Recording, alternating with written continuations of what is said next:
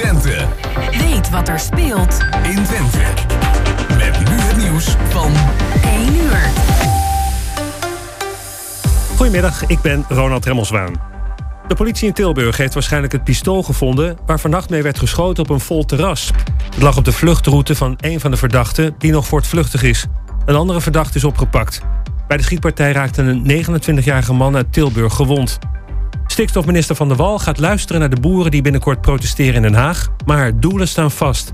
Dat zei ze bij WNL op zondag. Ik heb een duidelijke opdracht en dat is de helft minder stikstof in 2030. Tegen de plannen is veel verzet, ook binnen haar eigen partij, de VVD. In Amsterdam is een plein vernoemd naar Abdelhak Nouri. De oud-Ajaxiet liep zwaar hersenletsel op... nadat hij vijf jaar geleden tijdens het voetballen in elkaar zakte. Op het plein speelde Nouri vaak als kind. Het was eerst vernoemd naar Nigel de Jong... maar die wilde het omdopen tot het A-Nouri-plein als eerbetoon. En Max Verstappen gaat in de Grand Prix van Azerbeidzjan op jacht naar de zegen. Hij startte vanaf de derde plek achter zijn teamgenoot Sergio Perez en Charles Leclerc op pole. Perez heeft de smaak goed te pakken sinds hij in Monaco won. Hij voelt zich zeker niet de tweede rijder, zei hij in aanloop naar de race in Baku. En dan het weer van Weer Online. Zonnig en ook wat stapelwolken. Het wordt 18 tot 23 graden. Morgen wordt het wat frisser, maar ook dan schijnt de zon. En tot zover het ANP-nieuws.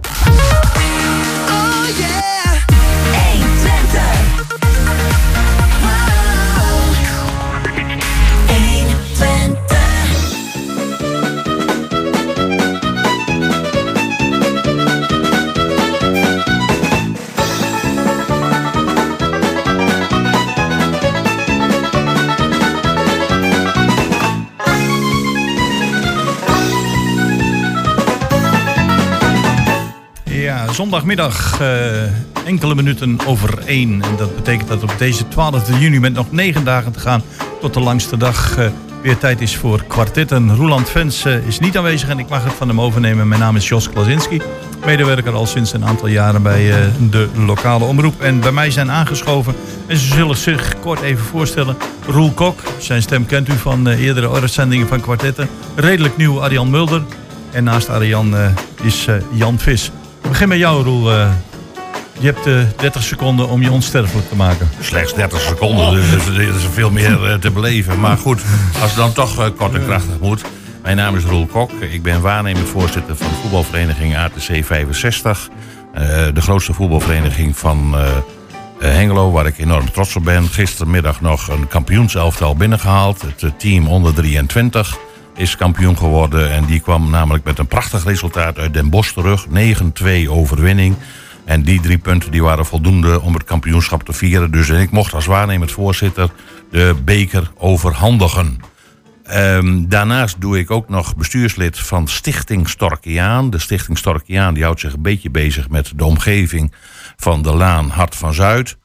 En, en alles wat daarmee te maken heeft. Eh, Onder andere zijn wij een beetje bekend als stichting met de april-mei-staking, eh, de herdenking daarvan. Eh, wat we afgelopen jaar ook weer heel mooi hebben gevierd op het plein achter het station, het industrieplein. Daarnaast ben ik actief binnen Tuindorp, Tuindorp het Landzink. En ik kan je vertellen, ik ben op dit moment druk bezig om een boekje samen te stellen. om weer een hele mooie wandeling door Tuindorp in, in onder de aandacht te brengen. Maar bovenal eh, eh, ben ik er op dit moment heel trots op. En dat wil ik heel graag vertellen, als ik mij mezelf mag voorstellen. dat ik opa ben van Roelie. En Roelie is gisteren kampioen geworden in een hockeywedstrijd ver weg. Het was in Nijmegen, maar ik ben er naartoe gegaan. En natuurlijk, eh een van de kleinkinderen, een van mijn elf kleinkinderen. Dat is toch een mooi moment als je ziet dat je kleindochter, elf jaar, dat die kampioen is. En dat die ook een kampioensbeker in de, in de handen houdt. En ooit eh, politiek actief geweest in Hengelo, hè? Ja, dat is een hele tijd geleden. Oké. Overigens, samen met Jan Vis hebben wij in de raad gezeten. Ik ben acht jaar lang eh, raadslid hier in de gemeente Hengelo geweest. En wat dat er gaat, was het ook een hele rijke ervaring die ik daar heb opgedaan. En ik hoop dat we daar straks nog natuurlijk nog heel op terugkomen. Want ik las vandaag nog in de krant hoe mooi het is. En dat George B- eh, ten Brummelhuis. Met zijn. eh, met- ja, dat, ja, ja, ja, ja, dat, dat die met zijn, eh, eh, met zijn eh, pleintje daar voor de deur niks meer mag. En, eh, maar goed, daar zullen Het we straks gras nog voor de voeten wegmaaien van de moderator, heet dat. eh. Jan Mulder. Eh, redelijk nieuw bij kwartetten. Ja, dat klopt, Jos. Ik eh, ben vaker jouw eh, gast geweest, Ja. maar in dit programma niet zo. Ehm, ik kom uit Hengelo. Ik eh, voel me eigenlijk meer wereldburger. Dus eh, eh, zoveel als mijn voorganger inzoomde, zoom ik over het algemeen uit.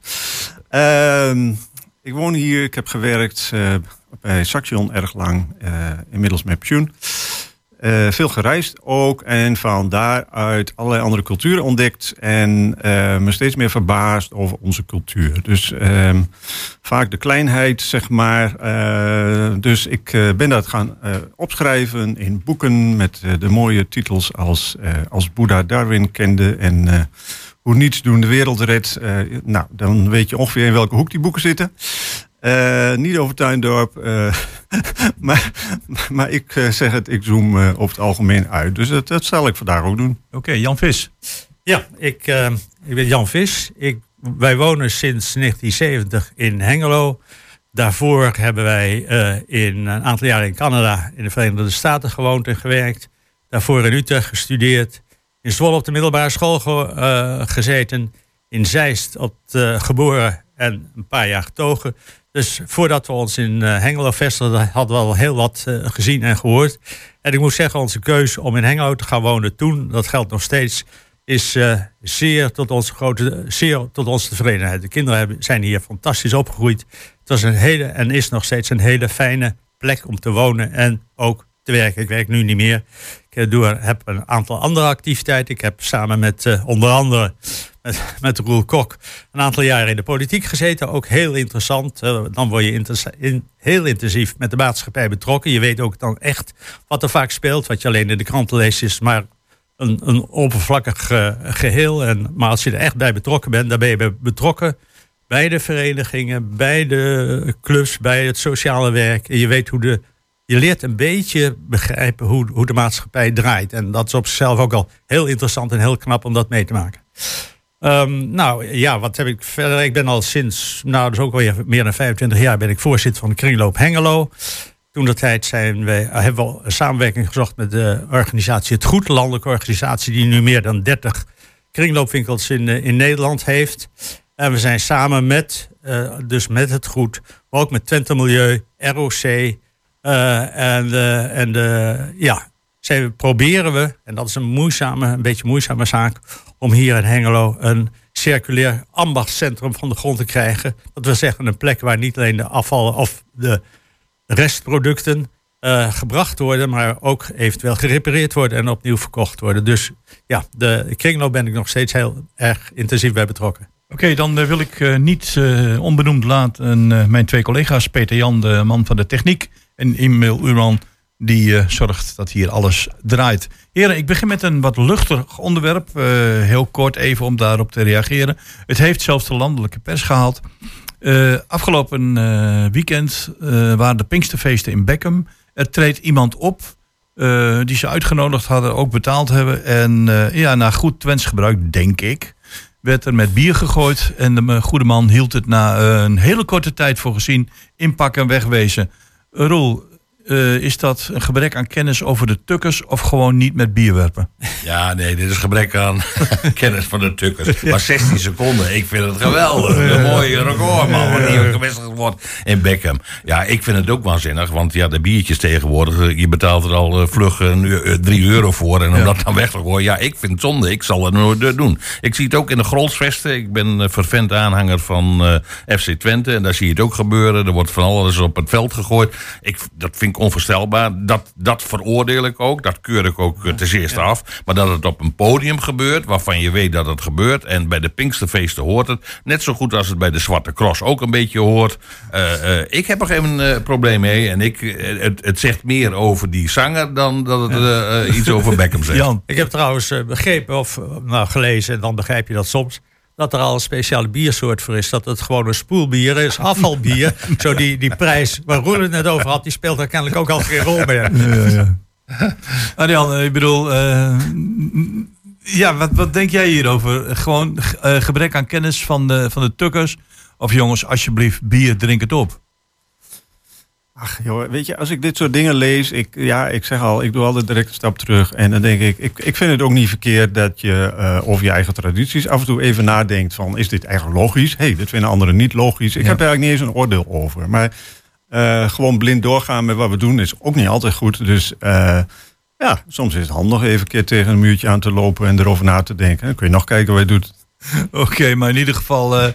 Helemaal mee eens. Ja. Met Arjan, dat, dat, dat Ehm, vind ik eigenlijk ook. Ja. Ik las eh, van de week, eh, want ik ben zelf even in het buitenland geweest, even snel de pers doorgenomen. En eh, het dilemma tuindorp, zonnepanelen, ja of nee. Nou ben je, zijn, ben jij heel erg begaan bij, bij tuindorp. En ik las dat, een aantal, dat het eigenlijk niet wenselijk is, maar toch wordt gedaan. En dat de gemeente daar een beetje in een spagaat zit. Roel, wel of niet doen, iedereen eh, daar vrij in laten of eh, gedogen, zeg het maar. Ja, ik vind eh, sinds wij in 2003 het predicaat beschermd dorpsgezicht hebben gekregen, moeten we ons daar ook aan houden. En in die, in die regeling van het beschermd dorpsgezicht, daar zit namelijk dat je niet dingen doet die, niet, die je niet zou moeten doen, om het namelijk een heel eh, eh, bijzonder karakter te laten behouden. En in dat bijzondere karakter er zitten helaas geen zonnepanelen in. En dat wordt ook voorgeschreven dat dat niet moet worden aangelegd. Maar hier speelt nog veel een, belang, een, een veel belangrijke rol bij. Het is dus namelijk dat eh, het tuindorp die heeft een zonnecollectief eh, ingericht. En eh, zoals ik ook, ik, ik heb tien zonnepanelen. Ik woon in Tuindorp, ik heb tien, eh, tien zonnepanelen. Die zijn niet in, het liggen niet op mijn eigen dak. Ja. Maar die hebben we op een bedrijfsgebouw eh, neergezet. En in, dit, in mijn geval is dat de, de Klokstee. Het grote gebouw wat aan de rand van Tuindorp ligt. En daar liggen 760 zonnepanelen op. Er is inmiddels ook nog een ander gebouw waar een aantal zonnepanelen van die zonnecollectief Tuindorp is eh, gevestigd. Dus er is een alternatief. En ik verbaas me er dan ook over dat er dan toch nog weer mensen zijn die, eh, die dat op hun eigen dak aanleggen. Terwijl die in een buurt wonen, in een wijk wonen, die juist die bijzonderheid heeft en zo aantrekkelijk is, omdat het een, een, een, een, eh, een oud karakter wil blijven behouden. Ja, het is, eh, het is zo dat, dat we hebben geen televisie, maar als je jouw gez- gezicht spreekt op dit moment boekdelen, redelijk geïrriteerd. Arjan, Ja, ik ben het er eigenlijk helemaal mee eens. Ik, eh, ik wil nog wel één stap verder gaan. Maar ik, eh, ik denk inderdaad, eh, hè, als ik kijk naar mijn eigen boeken... hoe niets doen de wereld redt en een stap terug, enzovoort, enzovoort... dat, we, dat we met onze wereld natuurlijk zwaar, zwaar, zwaar aan het overconsumeren zijn, nog steeds. Dus dat we moeten daar een keer wat mee. En heel veel van wat nu gebeurt, ook in de wind- en zonne-energie... is krampachtig proberen te blijven doen wat we doen. Nou, en daar is dit een uitwas van, vind ik. Eh, je gooit op je eigen dak een paar zonnepanelen, puur voor eigen belang. Ik denk, eh, het collectief is al honderd keer beter. Eh, ook daar heb ik bedenkingen tegen als ik in de trein zit... en bij Holte zie wat allemaal in de weilanden gepland wordt. Ehm Sterker nog, eh, hè, wat ik in mijn boeken ook aangeef, eh, we gebruiken op dit moment in Nederland vier keer meer dan we eigenlijk met ons oppervlak kunnen. Hè. Wat we nodig zouden hebben om de energie te produceren, het afval te verwerken, eh, voedsel enzovoort, enzovoort, hebben we vier keer Nederland nodig. Dus we hebben vier keer Nederland nodig met windmolens van 200 meter vol om alle dus je kunt hier eh, persoonlijk wel hè, met de duim achter het vestje roepen... wat heb ik het goed voor elkaar, zonnepaneel op mijn dak.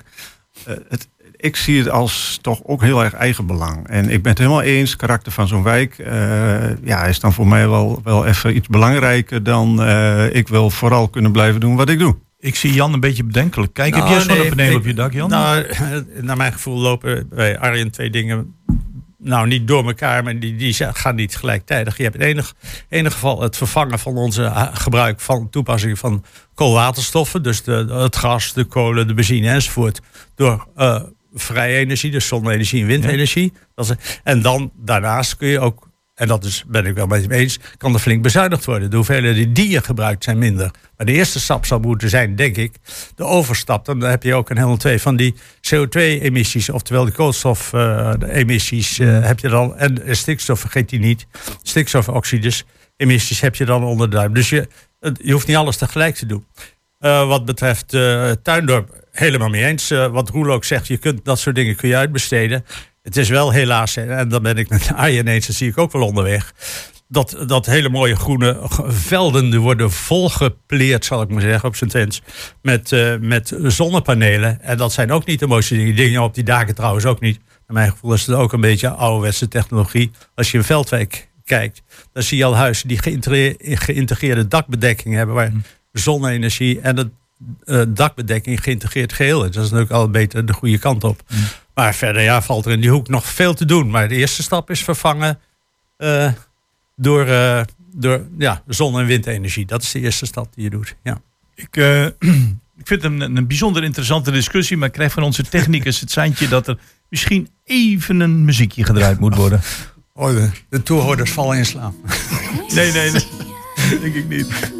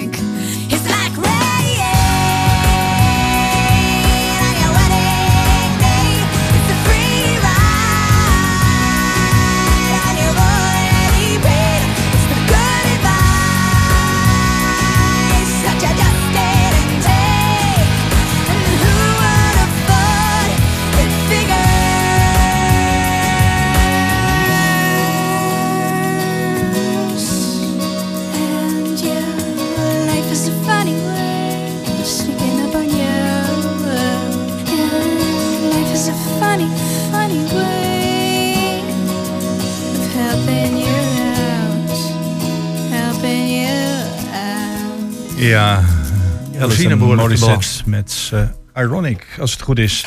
En eh, hier achter de schermen, of voor de schermen, ging de discussie door over wel of geen zonnepanelen. Eh, wereldverbeterend. Ik wil even het volgende aankaarten. Ik was afgelopen week met mijn vrouw op vakantie en toen zaten we tegenover elkaar aan tafel.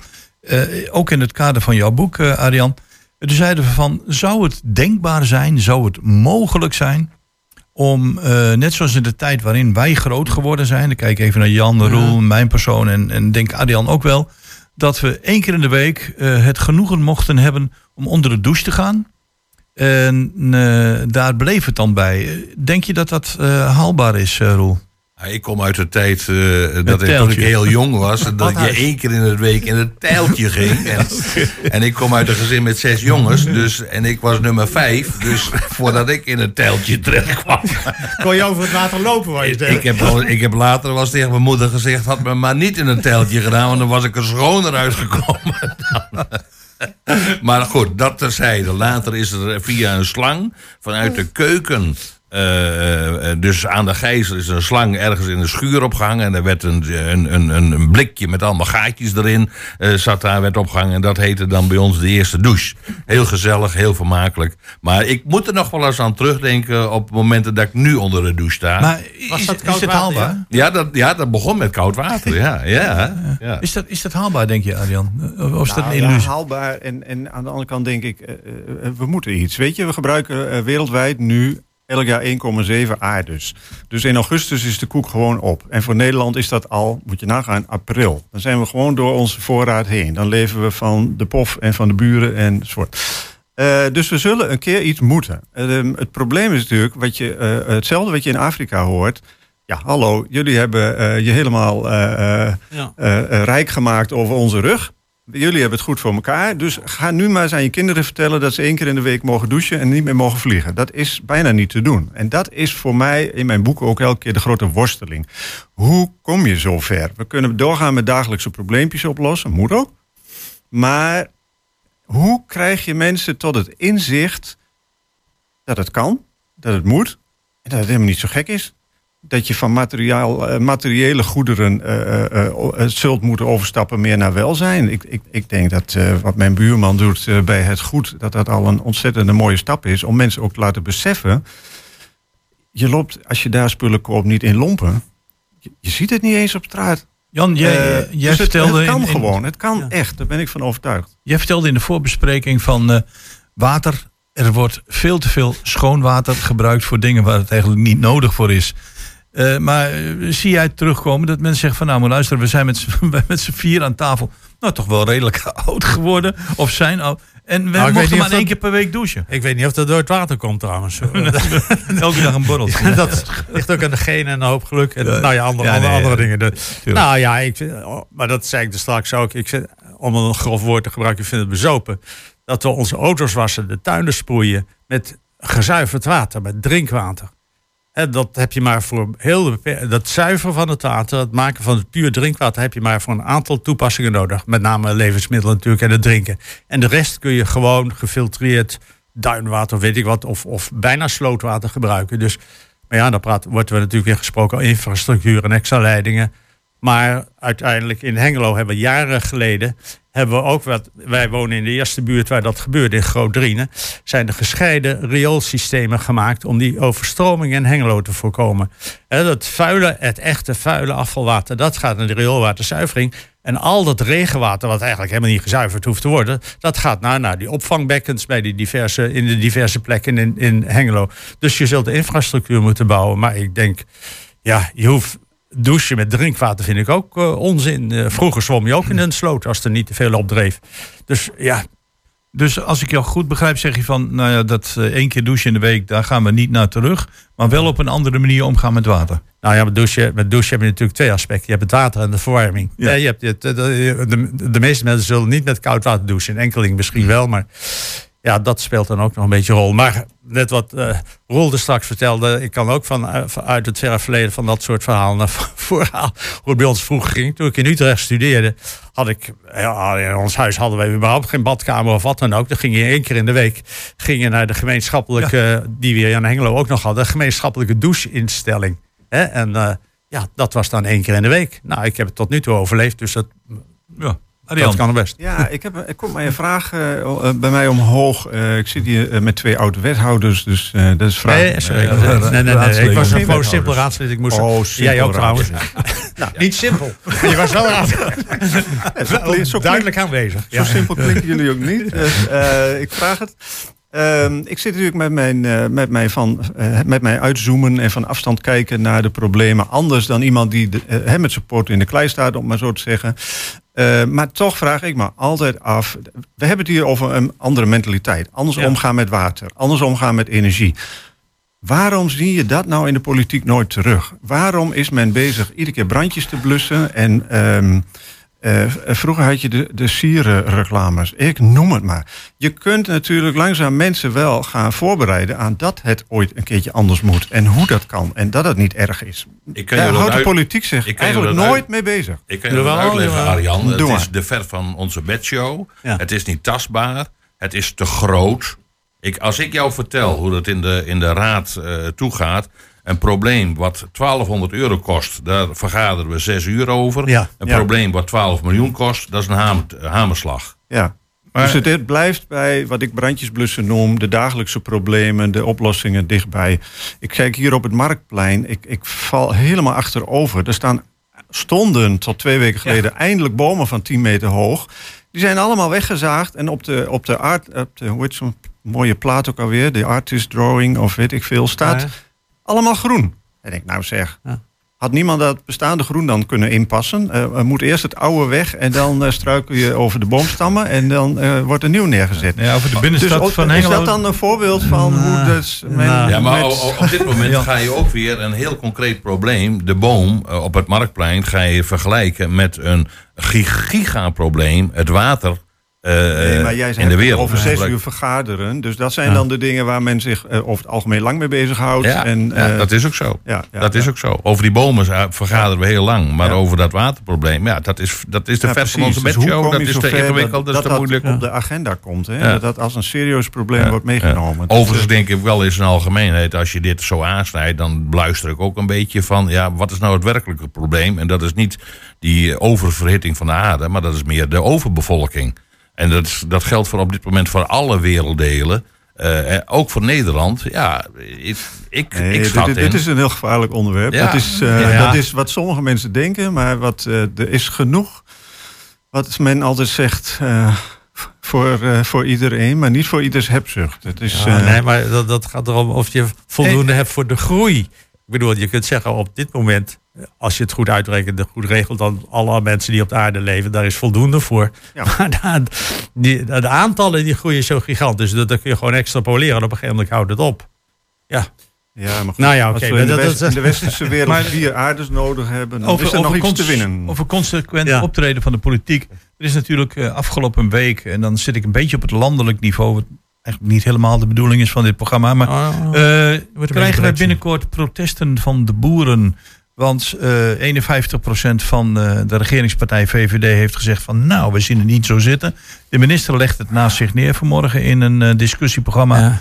Eh, hoe sta jij tegenover on- de, de, de wel of niet terechte onrust van de boeren, eh, Jan? Nou, ik, nou ja, oké. Ik, ik kan me voorstellen dat dat voor een heleboel boeren. Ik heb ook zeer. Nou ja, de meeste boeren zijn zeer degelijk. Maar dat, dat ze zeggen: oké, er zijn regels, er zijn spelregels vastgesteld. En daarbinnen hebben wij eh, gedaan wat we mogen. En nou worden ineens de spelregels veranderd. Die indruk wekt het natuurlijk vaak. Aan de andere kant bestaat er in de economie ook de kreet de varkenscyclus. Eh, dat wordt gezegd als de prijs van, de, van, het, van het varkensvlees omhoog gaat, gaat iedereen als een idioot varkens eh, fokken. En als hij naar beneden gaat, gaat het weer naar beneden. Dus boeren zich, passen zich ook aan, net zoals elk ondernemer trouwens, aan de ontwikkelingen van de markt. Alleen, ja, ze investeren veel en lang. En op een gegeven moment zegt iemand, ja, wacht even, nu is het stop. Nou moet je helemaal terug. Ik kan me voorstellen dat je daar als, als, als boer, ondernemer überhaupt, dat je daar grote problemen mee hebt. Ja, dat kan ik me de, hè, niet stimuleert zijn eigen belang, zeg ik dan. Dat, dat, dat speelt natuurlijk. Maar als je het in een groter perspectief ziet, ja, kan ik me voorstellen dat die belasting, zeker in Nederland, waar we natuurlijk veel op een kleine eh, vierkante meter hebben, dat dat te groot is, dat je dat moet eh, spreiden of eh, verdunnen. Alleen als iemand tegen je zegt van oké, stop met je business. Ja, Tegelijkertijd, die minister die mag die motie naar zich neerleggen. ja, het, het, het lont is aangestoken. ja. ja, ja. En het, het lont zal nog heel lang zijn, maar het kruidvat, dat staat klaar. En ik moet nog zien of ze dat vlammetje tegen kunnen houden, dat dat het kruidvat niet bereikt. Arjan. Uit politiek. Eh, ik, ja, ik denk dat het probleem ook in dit geval weer groter is. Eh, we hebben natuurlijk het ook zover laten komen. We hebben iedere keer de kop in het zand gestoken. We hebben zich eh, de, de markt laten ontwikkelen zoals we gedaan hebben. Ik bedoel, als wij elkaar aankijken, dan, dan ja, kunnen we het eigenlijk, vind ik ook niet met droge ogen. Want wij gaan ook allemaal voor de aanbieding. En voor de eh, euroknallers of kiloknallers. Dus het is een systeem. Wij, wij, Ja. wij wijzen altijd naar individuutjes. Iemand moet het oplossen of iemand heeft het gedaan. Maar het is een systeem. We doen het met elkaar. We willen allemaal voor het dubbeltje op de eerste rang. Dus die boer kiest niet vrijwillig voor die schaalvergroting. Die wordt als het ware meegenomen hè, in, die, in die varkencyclus. En dat vind ik nu fout. Dat nu de politiek, eh, hè, nu het allemaal een beetje ontspoord is. eh, eh, nu iedereen ineens flitsbezorger is en er niemand meer op Schiphol wil werken. moet het in een, in een, in een mum van tijd opgelost. Dat, dat gaat dus niet. Als je het gewoon. ik ben niet de grootste fan van Rutte. maar ja, het- ik snap wel, als je tien jaar laat ontsporen. Dat ziet niet vanaf het begin als ontsporen. Maar het is dus wel een beetje waar je nu in terechtgekomen bent. En dan denk ik, ja, dan is het natuurlijk voor de boeren een beetje sneu. Als je zegt van ja, nu hebben jullie het gedaan en, en dan moet het morgen opgelost worden. De, de andere Eh, van- ja. da- da- Daar moet je eerder beginnen of, of Ja. meer tijd geven. Of het eh, meer zakdoekjes uitdelen, ik weet het ook niet. Maar dat, dat, ja, ik snap het wel. Of, of het dan moet leiden tot een bezoek bij de minister thuis, eh, Jan. Nee, zou, dat- zou je dat fijn gevonden hebben als raadslid, als ze bij jou aanbellen van... eh, meneer Vis, luister. Nou, als het bij aanmelden blijft, dan valt het nog, valt het nog mee. Zodra ze maar ruiten gaan bekogelen, dan wordt het... En zeker je, je pers- persoonlijk wordt aangevallen, dan is dat natuurlijk eh, buitengewoon kwalijk. Ik denk dat het, het risico nu, maar dat is eh, puur persoonlijke inschatting... als je dat zo ziet gebeuren, is dat mensen zo boos worden... als, ze, als er niet toch op een of andere manier eh, meer goed mee gecommuniceerd wordt... en er ook toe- dingen worden toegegeven misschien dat de neiging bestaat om heel, en er komen verkiezingen, heel radicaal rechts te gaan. Dan dat dat reactionaire partijen fantastisch in, in, eh, te goed doet. En dan ben je verder van huis. Dus je moet, je moet kijken wat dat voor nevenschade eventueel geeft. Dat- denk ik, moet je politiek een beetje inschatten. Dat, je ook, eh, eh, ja, ik wil geen namen van partijen noemen, maar ik kan, ik kan me er wel iets bij voorstellen dat dat reactionaire groeperingen geweldig ja, aantrekt. Ja, dat denk ik ook. En mede omdat je. ehm, Kijk, die boer, eh, lees ik dan, die voelt zich de hele dag boer. Er is geen onderscheid tussen de persoon en eh, zijn vak. En dat doet de minister wel. Die zegt van ja, je mag niet bij mij thuiskomen, want het is nu weekend. Eh, en dat is ook weer die scheiding die ik steeds voel. Eh, we abstraheren de boel. We maken er een soort, soort Ja. probleem van wat we eh, alleen bij de vergadertafel oplossen. Als, alsof het niet aan echte mensen en echte problemen raakt. En een echte maatschappij. Ik snap dat nooit zo goed. Ik denk van, je zit daar toch niet voor niks. Je hebt toch voeling met die maatschappij. Dus ik ben het helemaal met de voorganger eens. Ik denk dat dit de mensen in de kaart speelt... die zich erop laten voorstaan dat ze wel zo goed eh, Roel, jij bent contact geboren en met getogen de in een agrarische provincie in Friesland. Eh, kun je je voorstellen dat men daar ook, eh, ondanks dat de Friese boer ja, te boek staat als erg nuchter, dat men daar boos is? Ja, tuurlijk. Och man, er staan sommige boeren die staan met de rug tegen de muur. En er hoeft niet eh, veel meer te gebeuren. En dan vallen ze over het randje heen. En dan kan ik mij voorstellen dat je tot het einde gaat. En ik moet je ook eh, vertellen, want jouw eerste vraag ging erover... mag je als boer bij een minister eh, de tuin binnenrijden? Ik heb het ook één keer meegemaakt. dat er bij mij wordt aangebeld en dat er iemand boos was. Eh, ik heb, dat heeft me toch wel tot nadenken eh, gezet. In de zin van, ja, eh, dan, dan zie je wat de uitersten zijn. Tegelijkertijd, en dat merk ik ook als waarnemend voorzitter van een grote voetbalvereniging. eh, je hebt met individuele belangen te maken en je hebt met collectieve belangen te maken. En een individueel belang, dat staat bij mij op de stoep. Maar ik heb ook rekening te houden met het collectieve belang. En dat maakt het zo ingewikkeld. En ja, dat, dan, dan vind ik wel, ja, je, het is heel moeilijk. Maar goed, dat, dat zit in het bestuur. En dat heeft een de regerings, heeft, er- heeft er ook mee te maken. Eh, tegelijkertijd keur ik af wat er is gebeurd ten aanzien van de minister van Landbouw. Dat, dat de hele boerenpartijen en dat eh, een, een, een, een file-optocht van trekkers eh, daar naartoe trekken. Dat, dat keur ik af. Dat, dat, dat verwerp ik. Het is eh, nog lang te gaan in dit onderwerp. Het is weer Ja. even tijd voor muziek. En ik wil me straks even storten op een lokaal dilemma, maar dat horen jullie zo meteen. Oh.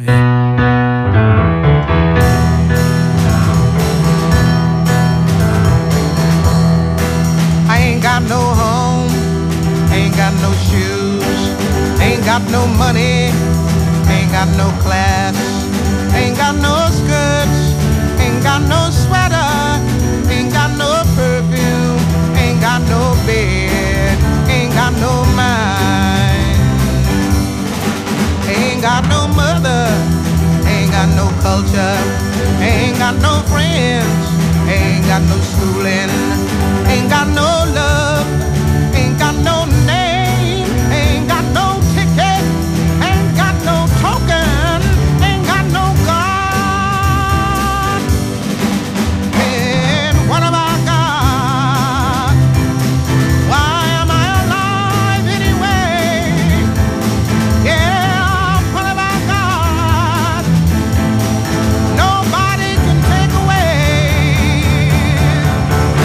Got my hair, got my head, got my brains, got my ears, got my eyes, got my nose, got my mouth. I got my smile. I got my tongue, got my chin, got my neck, got my boobs, got my heart, got my soul,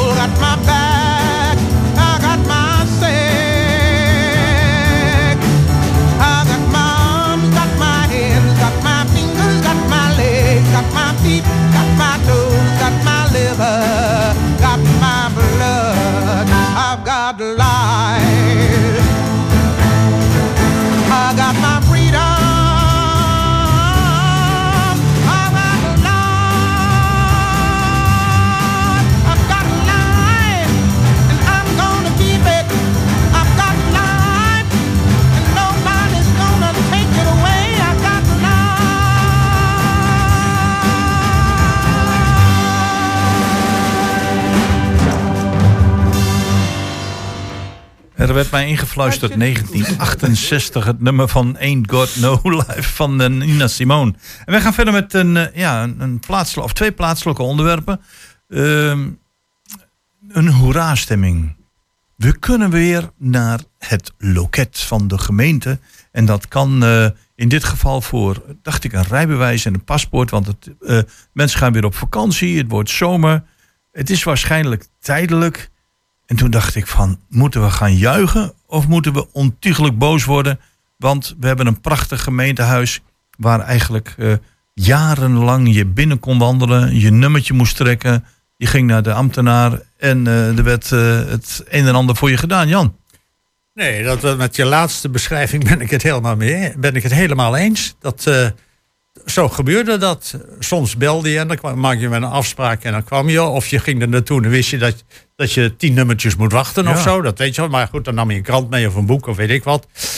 Eh, maar het was laagdrempelig. En ik denk dat het heel belangrijk is dan voor een gemeentehuis... dat het, die inloopfunctie, elkaar ontmoeten is misschien een beetje algemeen gezegd... maar ja, het moet een openbare ruimte zijn. Niet een kil klinisch instituut waar je van tevoren afspraken moet maken... en dan over drie weken komt u misschien maar eens langs.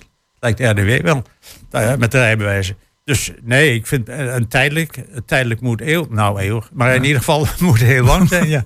Weer openstellen. geachte Engeloze burger, meneer Vis, heeft u dan geen oog voor de argumenten van de ambtenaren over werk, ziekte, inhaal, cursussen? Dat zou kunnen betekenen dat je wat langer moet wachten. Dat, en dat er misschien niet alle dagen in de week tot en met zondag open is. Dat hoeft ook niet. Maar de mogelijkheid moet er wel zijn. Ik, ja. Ja, Arjan, Ja, ik ben het helemaal mee eens. Ik, eh, ik vind mensen moeten elkaar ontmoeten. Een maatschappij is iets van en voor mensen. En welke gezicht dat heeft, dat weet ik niet. Ik vind de leegstand een, een voorbeeld. De flitsbezorgers. eh, ik, ik vind het zeer korte termijn denken om dat alleen maar als vooruitgang te zien. Eh, ja, het wordt er killer van. En, en dit is een onderdeel ervan. En, eh, is er Ja. dan niemand die... Jawel, die- die- jawel, jawel, jawel. Ik denk daar anders over. Goed zo. Maar, maar dat heeft er ook mee te maken dat we natuurlijk eh, nu in een eh, eh, post-coronatijd eh, zitten. En in corona is dit allemaal eh, ontstaan. En eh, twee jaar lang hebben we het, konden we niet bij elkaar op visite. En dat gaat nu in één keer weer los. Maar intussen tijd is er natuurlijk wel enorm veel gebeurd. En ik denk dat ook met dit soort zaken, het gaat om efficiëntie. Het gaat erom eh, eh, om te bekijken van wat mogelijk is en wat niet mogelijk is. Als ik een ander voorbeeld mag geven, wat zich heeft voltrokken in de afgelopen paar jaar, dat is eh, betalingen. En als ik ook, dan kijk ik even weer naar mijn voetbalclubje, als ik zie dat er vijf jaar geleden werd er 100% contant betaald met geld. Ja. En de PIN die was net een beetje in opkomst. En eh, als ik op dit moment zie hoe mensen betalen met hun horloge, met hun, hun, hun, hun- hun telefoontje eh, en, en met allerlei andere attributen die ze meenemen, of, of gewoon met de, de, de, de, de bankkaart. Op dit moment is, wordt 80%, meer dan 80%, wordt al via de PIN betaald. En contant geld, dat, dat, dat, dat zien we haast niet meer. Daar ben ik hartstikke blij mee. Laat daar geen misverstand over bestaan. Maar dat zijn dus ontwikkelingen die zich voordoen. En dat hou je niet tegen. En ik vind ook, dat moet je ook niet tegenhouden. Nu gaat het natuurlijk om de publieksbalie. En ik kan me voorstellen dat je, dat je in een heleboel gevallen toch nog fysiek eh, elkaar moet zien om dingen voor elkaar te krijgen. Daar moet je ook iets voor creëren. Maar om dan maar weer gelijk alles open te maken en alle deuren open te maken en alle loket open te zetten. Nee, dat gaat mij veel te ver. Maar eh, kijk, er was hier sprake van tijdelijk. En ik hoor twee eh, eh, gasten praten over eh, de publieksfunctie van een balie in een eh, gemeentehuis.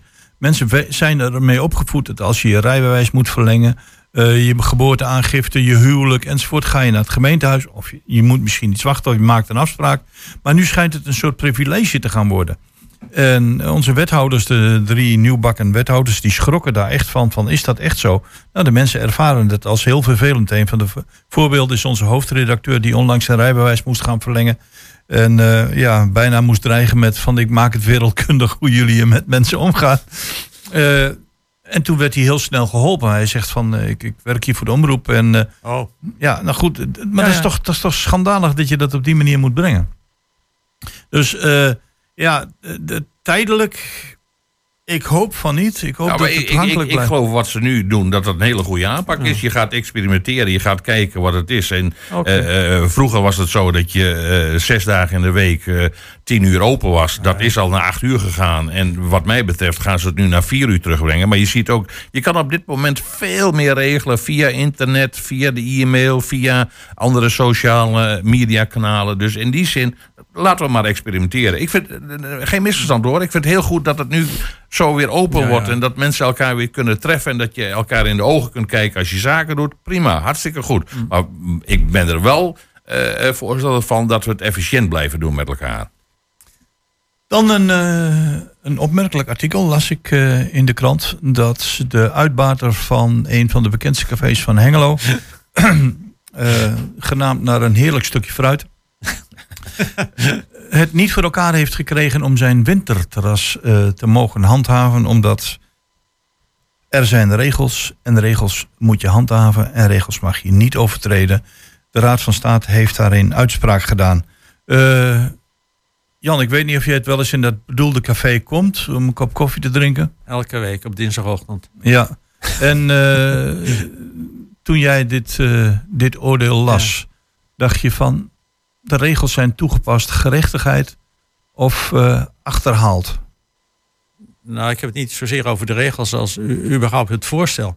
Eh, wat ik niet weet, eh, wat dat kon ik daar niet uitlezen, of dat het hele terras, aan, wat je hebt aan de terras, even een beetje technisch, dat stuk wat in de Nieuwstraatpassage is en dat stuk daarvoor. Ja. Volgens mij betreft het Een het stuk in de Nieuwstraatpassage, maar wat mij ook niet helemaal duidelijk is of het het hele stuk is wat eh, de appel nu heeft eh, eh, in- nou, ingenomen, maar in ieder geval ja, ja. ingepolderd heeft.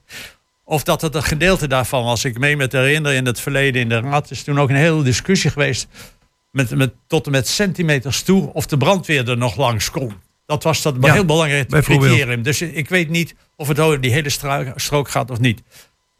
Dat, eh, dat is dus één punt. Het tweede punt is dat ik het eigenlijk nou jammer vind. Ik vind het, nou ik zal het woord dom gebruiken. eh, eh, vind om dat belangrijke punt in, dat, in, de, in de stad. Wat juist een, een, ja, voor, ook voor het winkelen een belangrijk punt is. De Nieuwstraat, ik ben er net nog doorheen gelopen. Nou, eh, het is niks eigenlijk. Het is, het is allemaal lege panden of panden die leeg gaan worden. Het is geen echte winkelstraat meer. Het is een doorgaanstraat van het station naar elders in de stad soms.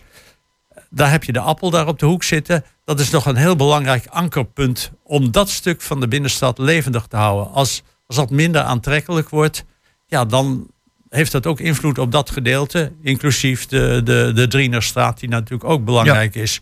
Voor, voor dat hele stukje. Hou het levendig. Zorg dat je daar een leuk terras houdt en hebt, hebt en houdt.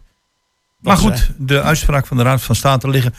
Wat zeg je, Adrian? Eh, eh, aantrekking, aantrekkelijkheid van een bepaald punt in de stad heel belangrijk of regels zijn regels? Nee, dat eerste, absoluut. kijk nou eens, waarom gaan mensen op vakantie naar leuke, schattige dorpjes? Hè? Je wilt leuke pleinen, je wil eh, eh, lekker op het terras zitten, je wil gezelligheid. Nou, wat heeft Hengelo nou net niet? Dat is dat laatste. Hè? Dat kan veranderen, maar als je ziet hoeveel, wat je terecht zegt, de winkels er dicht zijn, hoeveel er dichtgeplakt zit. En ja, dat is soms wat ik niet begrijp. Toen ik bij Saxion werkte, hebben ze een keer eh, studenten een op- opdracht moeten doen. Hè, hoe maak je Hengelo nou aantrekkelijk voor iemand die het station uitkomt? Nou, die studenten wisten eh, een heleboel. Maar vervolgens vielen alle officials van de gemeente bijna flauw. Want het eerste wat men wilde was natuurlijk eh, een aantal gevels daar weg en vervangen door. Nou ja, toen was het natuurlijk. Hè, toen schopten we tegen de wederopbouwfase. En, en dat was allemaal heilig. We mochten helemaal niks. Nee. Eh, en dat is denk ik een beetje de sfeer hier. Dus nee, absoluut zeg. Eh, meer gezelligheid, meer terrassen, meer groen. Dat is voor mij zo duidelijk. Roel. Ja, in, voor zover ik het allemaal heb kunnen volgen en wat ik er dan in de krant lees, snap ik de overweging van de rechter niet. Hè, het is een, oh, een zaak geweest van de Hoge Raad en eh, eh, als ik het goed heb begrepen, heeft de Hoge Raad eh, zich verzet hiertegen om reden dat de winkels er last van zouden hebben. Nou, als ik jullie vertel dat de enige reden dat ik door de Nieuwstraat eh, fiets... is dat ik richting de Appel ga. Dus eh, ik zou als winkelier eerder eh, de lol van hebben... dat de appel goed geëxploiteerd wordt en dat het terras bomvol zit. Dat je daar als winkelier meer baat bij hebt... dan dat je alles daar een kaalslag van maakt. Dus, dus wat dat er gaat... Jos, jij vraagt van de, de- over de rechtvaardigheid. Ik denk dat hier iets heel onrechtvaardigs... maar ook iets heel doms eh, gebeurt. Oh, maar dat zal, eh, dat zal de uitbater van het, eh, van het café ook zeker beamen. Alleen er ligt wel een uitspraak van de Raad van State. En eh, hebben jullie nu met z'n drieën zoiets van... er wordt ons omwille van eh, regels en omwille van winkeliers... een stuk wezenlijk entertainment, plezier, vermaak ontnomen? Omwille van de winkeliers. Ja, hè, want die Oh, zeiden van... ja, ik eh, weet niet hoeveel winkeliers dat er nog zijn als je er doorloopt. Zie je er niet zoveel meer. Maar dat is, dat is wel het reden. En ik, en ik, en ik, en ik zeg dus ook van... eh, ja, ik, ik, ik blijf het eh, dom vinden. Ja. En, maar Jos, als jij zegt van ja, het zijn regels, zijn regels. Nee, wetten worden gemaakt om veranderd te worden. En als je ziet dat een bepaalde regel niet werkt... dan moet je het reglement aanpassen. Dat zie je voortdurend. En die, die, die starrigheid die er nu is eh, geboden... omdat er een reglement hier binnen de gemeente in 2008 is vastgesteld... om geen terrasuitbreiding te doen in zones die daar niet geschikt voor zijn... dan zeg ik waanzin, Ja. pas die regel aan. En ik zou er nu als raadslid ook met één plat voor gaan liggen... en een, een ontwikkeling gaan starten van die regelen eh, uit 2008. We zijn nu 2022, Ja. dat moet worden aangepast. Ik denk dat je gewoon flexibeler moet zijn, wat jij zelf al aangaf. Eh, regels zijn regels, wordt dan geroepen. Eh, er zijn altijd uitzonderingen en die kun je tijdelijk maken. Je kunt evalueren. Je kunt, je, je kunt veel meer dan je, dan je zo star aan regels houden. En dat is wat ik volgens mij in Maar Hengelo zie- wel net iets Zien jullie dan nog een kans na de uitspraak van de Raad van State weggelegd voor een wethouder of een gemeenteraad? Ja, nou, Kan dat juridisch? Nou, ik zie zeker wel de mogelijkheid ook naar aanleiding van wat, wat Roel net zei. Kijk, het is getoetst op bestaande regels. En dan op een gegeven moment ligt dat vast. Dan kun je, kun je niks meer. Dat geloof ik ook juridisch, dat je daar vast... Maar je kunt natuurlijk wel nieuwe regels als gemeente. Kun je, en dan kunnen raadsleden, de raad, wethouders... die kunnen al, moeten daar, of kunnen daar een belangrijke rol spelen. Je kunt nieuwe regels vaststellen. En dan heeft deze uitspraak... ja, die slaat alleen op de oude regels, niet op de nieuwe regels, neem ik aan, grotendeels. Dus dat zou ik zeker proberen als... eh, En in die zin eh, Ja. zal ik adviseren, Jos de Brummelhuis, Ja. hij heeft een tijdje in de raad gezeten, Ja, om zich weer kandidaat te stellen, want dan kan hij helemaal zelf nog met de partij De Appel zou die invloed kunnen uitoefenen op de eh, regels in Hengelo. mag ik uit deze discussie concluderen van wordt vervolgd? Jazeker, lijkt mij. Nou, ik verwacht, eh, George kennende Ja. wordt dat zeker vervolgd. Ja, Jos kennen, dan is dit niet het, eh, dan zal hij er geen punt achter zetten hoor. Nee, nee, nee. nee. Ehm, we gaan, moeten afscheid nemen, definitief, van een, iets heel moois in de gemeente Hengelo. De kabouterhuisjes. Ken jij ze, Jan? Eh, ik ben er wel eens geweest. Dat, eh, dat, eh, ja, dat, Ja, we nemen huis- afscheid van de kabouterhuisjes. Dat is toch Nee, dat hoor. kleine wijkje daar achter de Geerdingsweg. Ja, Daar- ja. Ik heb niet gehoord dat ze allemaal weggingen. Ik had over Ja. één huisje gelezen, iets dacht ik. Ja, nee, ze gaan weg. De plaats voor nieuwbouw. Nee. Nee, dat Nee, was nee, toen nee, de tijd nee, al nee, het geval. ben je verkeerd geïnformeerd. En ik ben er nauwgezet bij betrokken Of geweest van Vincent Mulder van de SP. Ja, en ik, eh, die, die zijn de, hebben het vlammetje aangestoken om die kabouterhuisjes Ja, juist te behouden. ja, ja. Nee, wat wij voor elkaar hebben gekregen in de afgelopen, nou, ik denk dat we er tien jaar mee bezig zijn geweest. Dat er een gedeelte wordt verwijderd. Daar, daar komt nieuwbouw in. En een gedeelte is inmiddels al gerenoveerd. En eh, dat, eh, dat is een hartstikke mooi parkje eh, geworden. Er zijn bomen behouden gebleven. De huisjes zijn heel mooi gesitueerd en geïsoleerd. En, en, en, Ja. en, en, en, energie-neutraal eh, zijn ze gemaakt. Nee, waar jij op doelt, Jos, dat is het wijkcentrumhuisje. Eh, er waren twee kabouterhuisjes, daar zat het wijkcentrum in. En daar eh, was altijd bijeenkomsten met families en, en, en, en, en, en de, de mensen uit de buurt. En die wordt eh, platgeslagen. Ja. En daar komt nieuwbouw op. Maar dat is. dat Ken je het fenomeen kabouterhuisje? Arjan, ben je er wel eens geweest? Eh, nee, volgens mij echt heb ik erover gehoord. eh, Kleinschalig eh, wonen. Ja, precies, door Ja, mijn dus vrouw. Want wij zijn wel degelijk op zoek eigenlijk naar iets kleins. Hè? Ja, ja. We wonen nu Oh, in Riene, hartstikke mooi. Kinderen de deur uit. Dus je denkt, ja, wat doe ik hier? Nou, een tiny house vind ik misschien heel tiny, maar twee aan elkaar zou best leuk zijn. En, en dan kom je op dit soort type huizen. Hè? Daar woonde mijn oma vroeger, hè? de aanleunwoning enzovoort. Ik, ja, ik, eh, ik voel me nog niet zo oud, maar ik zou ervoor tekenen, eh, minder ruimte. Dus ja, ik ben vaak verbaasd dat het dan weg moet en dat het toch allemaal weer nieuw moet of groot moet of eh, ouderwets is of achterhaald. Nee, ik denk, ik ben helemaal eh, eens dat dat eh, vaker behouden moet worden, zeg maar. Nou, ik heb zometeen, want we gaan nog luisteren naar een afsluitend stukje muziek, nog een dilemma voor jullie. Maar dat eh, gooi ik zo meteen even in de groep.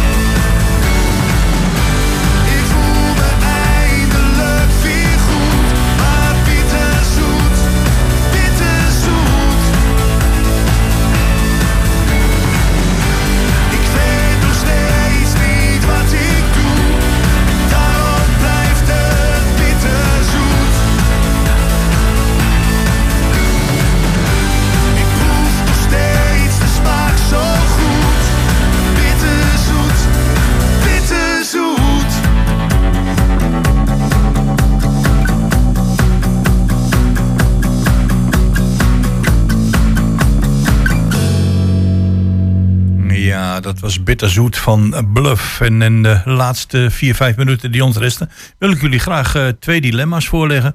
Ehm, meneer eh, Opa Jansen, die heb ik twee, een paar weken geleden ook ingebracht... is 88, heeft geen internet, heeft geen mobiele telefoon... en wenst met zijn problemen in, aan, eh, in contact te komen met een raadslid. Hoe gaat hij dat aanpakken? Ja, wat is dat aanpakken? Mailtje sturen kan die niet. Nee, Een WhatsAppje ook niet. schrijven kan die wel. Ja, dat, eh, dan- ja, dat kan die nog wel, ja. Kijk, van raadsleden kun je de adressen krijgen. Dus hij kan gewoon nog op de oude manier een briefje schrijven natuurlijk. Oké, je dus, hoeft niet per se te bellen of te mailen of te appen of zo. Dat, dat kan nog wel, ja. dus een brief schrijven, afgeven aan, bij het gemeentehuis of later afgeven. Nou ja, ik weet niet. ah, ik, ja, oké. Hij moet dan aan het adres komen, wil je zeggen. Ja, want anders kun je, ik kan wel een brief schrijven, maar dan komt hij nergens aan. Nee, dat is waar. Nee, dan, eh, ja, dan moet hij... Dan hebben we het loket van de straks weer. Dan kan hij naar het, naar het eh, gemeentehuis fietsen. Bij het loket vragen wat het adres is. Ik neem aan dat het niet geheim is. Van, van een raadslid. Het zal wel ergens staan. Ja, Hoewel, ja. dat weet ik eigenlijk niet hoe dat zit met die geheimhouding. En dat schrijft hij dan op de envelop. En dan schrijft hij een brief. En dan stuurt hij dat naar de desbetreffende raadslid. Of destijds Raadsleden, het of de- partijbureau. de fra- ja, precies. Fractie of partijbureau kan ook, ja.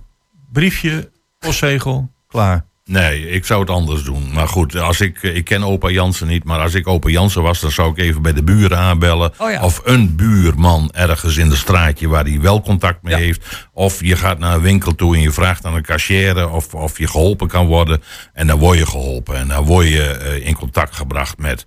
En eh, het komt bij mij in Tuindorp komt het ook voor. Mhm. En eh, ik help ook mensen daarbij. Dus dat is gewoon een vraag van opa Jansen. Nee, dat- Klamp dat- iemand aan en je wordt geholpen. En zeker in eh, Hengelo, we helpen duidelijk. elkaar En nog Zeker degelijk. als ik aan een Nou, denk. mocht Ja, een opa Jansen luisteren, dan zou ik zeggen, dat komt allemaal goed. Ehm, Nou, hij moet, wel, hij moet wel contact zoeken. Met Ja, de ja, buurman of wat dan ook. ja, nee, want hij heeft een probleem, dan zal hij sowieso contact moeten zoeken. Nee, want in de vorige vergadering zeiden ze van mailtje sturen. Ik zei, nee, dat kan niet. Eh, mailadres opzoeken, nee, dat kan ook niet, want hij heeft geen internet. Dus, maar goed, fijn dat jullie zeggen, buurman, briefje. Ja, of iemand probleem. die, die één keer in de week bij dan, hem eh, langskomt om, om ja. hem te helpen of zo, verzorging. Nou ja, oké, zoiets. Man, het is een van de mooiste woorden die we in Twente kennen. Naberschap. Noberschap. Ja, ja, ja, ja. Laatste, Wij in Friesland laatste we vraag voor het eh, nieuws. We hebben eh, sinds kort een nieuw college. Drie eh, strijdlustige dames eh, in de vorm van Hanneke Steen, eh, eh, Jacqueline Freriksen en Marie-José. Dat- ja. Alle vertrouwen? Ja, ik, eh, zeker. Ik denk dat het, eh, nou, maar, nou, ik weet niet of ik dat mag zeggen, maar ik zeg het toch maar, pittige dames zijn. Eh, Die waarschijnlijk van, die van wanten weten, voor zover ik ze ken. Eh, Ik, eh, ik ken in ieder geval twee van de drie ken ik wel goed. Hmm. Ik, ik wil toch even eh, dan inhaken op een uitspraak van één van de drie, Anneke Steen, die eh, op een gegeven moment ook zei, een van haar ambities is Hengelo groeit naar 100.000 inwoners. Ik dacht, nou, dat is interessant. Dat kun je in één korte stap doen. Als je Borne erbij neemt, dan ben je, als je bij elkaar optelt, dan ben je in één keer klaar. Dat is waarschijnlijk de kortste stap. Aan de andere kant, het is CDA. En CDA in het verleden heeft ook al eens geprobeerd Hengelo groot te maken door te fuseren met Enschede. En dat bleek niet zo'n groot succes te zijn. Dus ik ben benieuwd wat eruit komt. Arjan, Hier spreekt de eh, CDA. Heb jij de, heb jij de collegevorming gevolgd? Ik heb het niet gevolgd. Ik eh, moet eerlijk zeggen dat ik naar tevredenheid in Hengelo woon, maar eh, eigenlijk heel erg weinig vertrouwen heb dat er ook maar iets gaat veranderen. Dus er kunnen best pittige dames zijn, maar eh, ik, ik geloof er niet in. Ik De woon hier nu sceptisch 20 overheerst jaar en, ja, en ik vind het ook eigenlijk wel prima. Ik heb hier alles wat ik nodig heb en ik verbaas me erover, dat wel. Er, er gebeurt nooit wat, iedereen draait een in kringetjes rond. Dat is het beeld wat je krijgt van afstand, wat ik krijg. En, eh, Beetje ja. contrair op uw uitspraak in uw boek, eh gewaardeerd Arjan. Roel, Ja, tegelijkertijd merk ik op. We hebben toch hartstikke mooi hier in Hengelo. Het is een hartstikke mooi plaatsje. Het is gezellig. Het is Kijk van alles te doen. Ik ben, doen. af, ik ben afgelopen weekend, eh, of, of gistermiddag even bij Amusing geweest. Je kon over de koppen lopen. Zo gezellig was het overal. Op elke hoek van de straat een muziekbeentje. Het was allemaal goed. Maar om concreet op jouw vraag in te gaan: van heb ik vertrouwen in eh, drie dames in het college? Nou, Jos. Handen wringend zullen wij over een tijdje vaststellen dat het allemaal niet goed is gekomen. Maar wij wachten het rustig af. ik heb ze de boodschap gestuurd. Dames, bloemen krijg je aan de finish. en eh, ik wil Peter Jan bedanken voor de techniek. Jan Vis, Arjan Mulder, Roel Kok. En eh Emiel Urban eh, voor het mogelijk maken van dit programma. En wat mij betreft, geniet van de zondag. En blijf gezond en tot de volgende keer.